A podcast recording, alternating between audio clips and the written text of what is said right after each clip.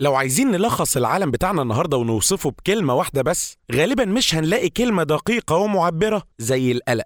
ومشكلة القلق إنه ما بقاش ملازمنا بسبب مشكلة في حياتنا أو كارثة مش عارفين نتخطاها لأ المشكلة بقت في شكل العالم نفسه. كل حاجة فيه بقت مثيرة للقلق والتوتر. يعني عندك مثلا حمادة ابن طنط ميرفت بيصحى من النوم كل يوم يقلب في موبايله وقبل ما حد يقول له صباح الخير بيشوف عشرات الناس اللي بتسافر الساحل الشرير والناس اللي مش عارفة تشتري مرسيدس ولا لامبورجيني وكل ده لسه حمادة بيسخن عشان يبدأ يومه. لسه هيعرف المشاهير بيعملوا أرباح كام في اليوم ويقارن مشاكلهم بمشاكله. مش بس كده ده كمان لسه هيشوف الناس اللي مش لاقية تاكل والناس اللي عاشت في عنف أسري وطفولتها كانت قاسية. وشوية واحد صاحبه يرخم عليه بفيديو فيه جريمة عنيفة. وهكذا. وهنا بقى بيلجأ حمادة للمخدر اللي بيحل له كل مشاكل القلق. طبق الهريسة بالمكسرات. هتقول لي وإيه علاقة الهريسة بالقلق وسمات العصر الحديث؟ خلينا بس نفتح كتاب إزالة القلق.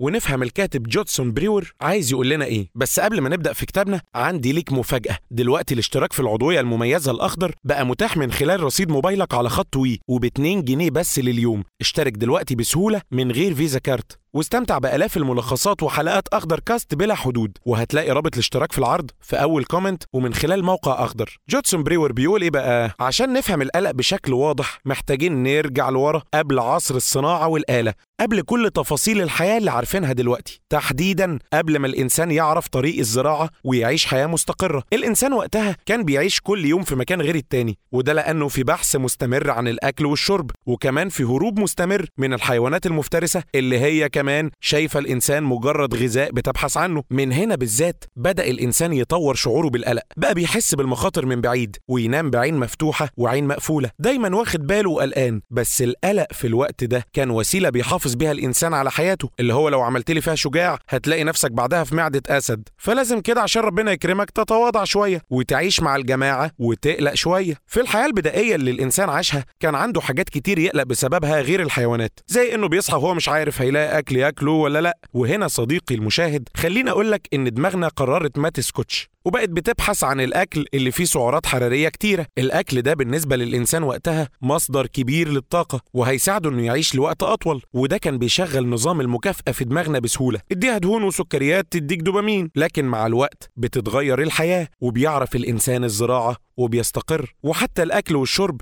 بيعرف يوفره بشكل مستمر. ومع ذلك لسه بندور على الأكل اللي فيه سعرات عالية. هتقولي مش ده بينقص حياتنا؟ هقولك وبدون مكياج الحقيقة إن ده بيموتنا بالبطيء السكريات والدهون وغيره من الأكل مرتفع السعرات مضر جدا لصحتنا. بس دماغنا لسه شغالة على ال system القديم ولسه بتفرز دوبامين على الأكل ده لأنه بينقص حياتنا. ولكن ده وهم مش أكتر. ومن هنا الكاتب بقى بيقسم دماغ الإنسان لدماغ حديثة ودماغ قديمة. واحدة بتحاول تتأقلم على الحاضر وواحدة بتتصرف باللي اتبرمجت عليه في الماضي. طبعا هتقول لي أنا تهت منك ومش فاهم حاجة. خليني أبسطها لك. الإنسان عشان يتغلب على قلقه الأول كان بيحتاج ياكل ويحس إنه في أمان وحواليه ناس وهكذا. في عصرنا الحالي الحاجات دي ما بقتش بتهدد حياتنا بس لسه بنحس بالقلق لو لوحدنا. أو مفيش حد معانا طول الوقت. ده إحنا حتى لما بقينا بنتوتر أو بنقلق من موقف معين بنوجهه بالحاجات اللي بتفرز دوبامين زي السكريات والدهون وغيره. مخنا عامل دايرة مغلقة بيأذي نفسه بيها ولازم نستوعبها بشكل كامل عشان نقدر نكسرها. الكاتب بعد كده بيكلمنا عن الأبحاث اللي قام بيها خلال حياته وإزاي في يوم من الأيام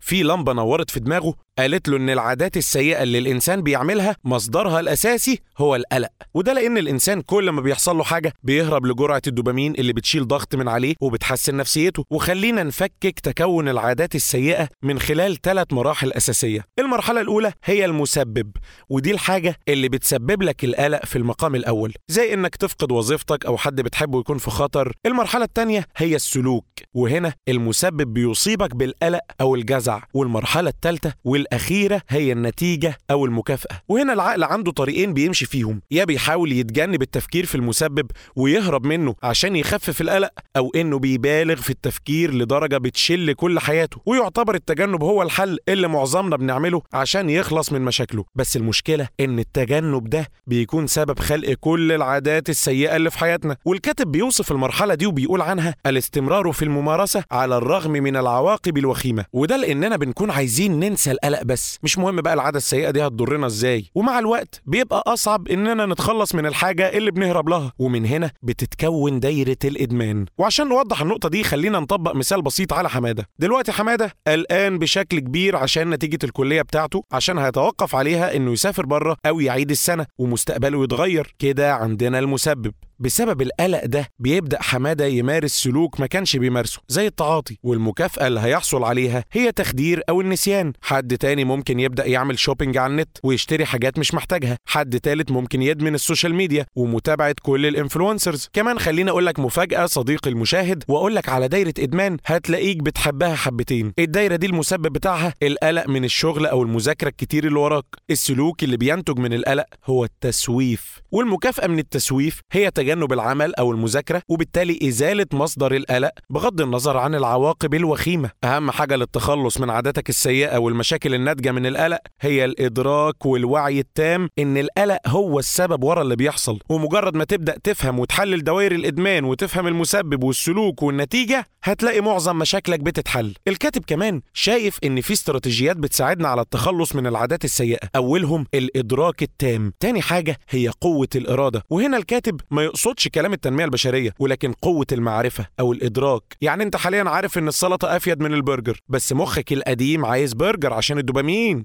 الوعي بالنقطة دي مع قوة الإرادة هتخليك تختار السلطة. وبكده يبقى كسرت حلقة من العادات السيئة. كمان ممكن نجرب استراتيجية تانية وهي الاستبدال. وده ببساطة زي مدمن السجاير. اللي لما بيقرر يبطل يشربها بيختار بديل ليها أقل ضرر. زي نوع من الحلويات مثلا. بس خلي بالك إن البديل ده لازم تختاره بوعي وإدراك. لأنك لو سبت نفسك لمخك النتيجة مش هتعجبك. ممكن في مرة تصحى قلقان شوية والمخ عشان يتجنب القلق يخليك تقلب طول اليوم في التيك توك. وخلال صفحات الكتاب بنلاقي دايما اقتران بين كلمة الهلع والقلق. والكاتب بيوصف لنا إن القلق ما بقاش مجرد شعور داخلي جوه كل واحد فينا لكنه ساعات بيتحول لهلع الناس كلها حاسة بيه. والمشكلة إنه معدي بشكل كبير حسب الأبحاث العلمية اللي اتعملت على القلق. وكمان وسائل نقل عدوى القلق بتزيد من يوم للتاني. يعني دلوقتي ممكن تمسك موبايلك تلاقي حد بيحذرك من حاجة أو بيخوفك وهنا هتبدأ تقلق من كلامه وmood ك يتغير. بل ممكن نقول إن انتشار ال social media وطريقة تعاملنا معاها ممكن يكون من أكتر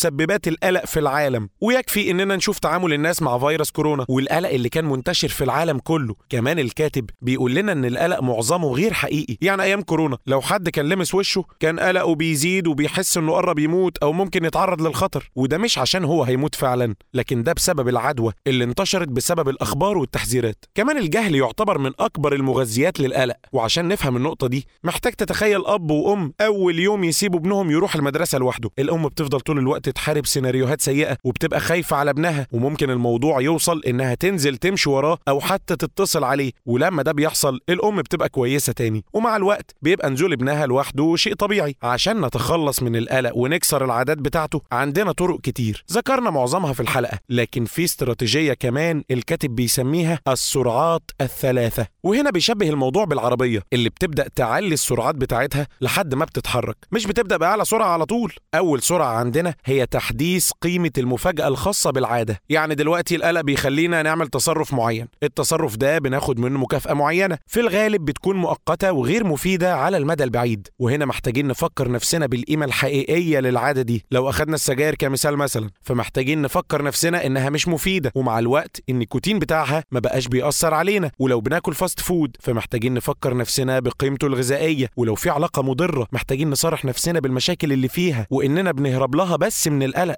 وهكذا. السرعه الثانية بقى هي البحث عن عرض أكبر وأفضل. يعني في حالة السجاير ممكن نشرب كوباية قهوة عشان تدينا نيكوتين يفوقنا أو نلعب رياضة. العلاقة المضرة مثلا ممكن نطلع منها ونهتم بنفسنا وحياتنا بالشكل اللي هيخلي حياتنا ما تسمحش غير بدخول شخصيات كويسة في حياتنا. السرعه الثالثه والأخيرة بقى هي أي شيء يساعدك على الخروج من حلقة العادة القديمة. وهنا الكاتب بينصحنا نستعمل الوعي التام عشان نختار الحاجة اللي هتخرجنا دي بحذر. على سبيل المثال ممكن حد يبطل السجاير بانه ياكل حلويات كبديل لكن مع الوقت بيبدأ يدمن سكريات وجسمه بيزيد في الوزن وبيفقد الثقة في نفسه في حين إن ممكن واحد تاني يبطل سجاير ويروح الجيم ووقتها البديل ده هيفيده يكسر حلقة العادة بشكل صحي. الكاتب بعد كده بيشبه نمط شخصيتنا بكائنات أولية وحيدة الخلية. الكائنات دي بتحافظ على حياتها عن طريق الفر أو التسمر. ببساطة كده الكائنات دي لما بتشوف غذاء بتقرب ولما بتشوف سموم بتبعد بشكل تلقائي. محفور في الحمض النووي بتاعها. الكاتب شايف إن البشر كمان بيتصرفوا زي الكائنات دي. في ناس دايما مندفعة وناس تانية بتتسمر وبتتجنب المواجهة وفي شخصيات في المنتصف. والكاتب سمى النوع ده مسايرة الوضع. فهم نوع شخصيتك من خلال التقسيمة دي مهمة لأنها هتساعدك تتسامح مع شخصيتك وما تقسوش على نفسك كتير. في ناس متعودة تكون مندفعة ومتفتحة وبترقص في نص الحفلة وصوتها عالي وناس تانية قاعدة مع نفسها على الرصيف مستنية الدوشة تخلص عشان تروح. وناس بتمشي نفسها. الكاتب بيوصف نفسه هو وزوجته إنهم من الشخصيات اللي بتتسمر ومنغلقة على نفسها. بس الشخصيات دي برضو ليها مميزات زي قدرتها الكبيرة على تحليل الأمور ونظرتها الثاقبة للأحداث وتذوقها للجمال. وفي الغالب الشخصية دي بتكون ذكية بشكل كبير وبتنتقد الناس والأحداث معظم الوقت وكمان بتميل للشخصيات المشابهة ليهم. في النهاية خلينا نقول إنه من خلال فهمك لشخصيتك والطريقة اللي عقلك بيشتغل بيها هيغير حكمك على نفسك في مواقف كتير وهيخليك أكثر رحمة بنفسك. وبالتالي هيقلل توترك وقلقك إنك تشوف نفسك مش كفاية أو غريب عن ناس معينة. في النهاية خلينا نقول إن القلق مش نهاية العالم وحاجات كتير كنا بنتخيلها في راسنا بشكل كابوسي يخوف لكن بمجرد ما بدأنا نعيش الأحداث دي فعلا اكتشفنا إنها عادية وإن إحنا بنعرف نتصرف معاها. شخصيتنا وعاداتنا وتصرفاتنا خلال اليوم كل دي حاجات ممكن تكون ناتجة من قلقنا وخوفنا من حاجات إحنا بنهرب منها. وبنقنع نفسنا إنها مش مأثرة علينا مع إن الحقيقة إننا بنتصرف تصرفات كتير مش عجبانا عشان نهرب. والحل هنا ببساطة هو إننا نقعد مع نفسنا ونحاول نحلل كل التصرفات دي لأن مجرد فهم القلق والمعرفة عنه ممكن يموته ويعمل له إزالة تماما. وبس كده. سلام.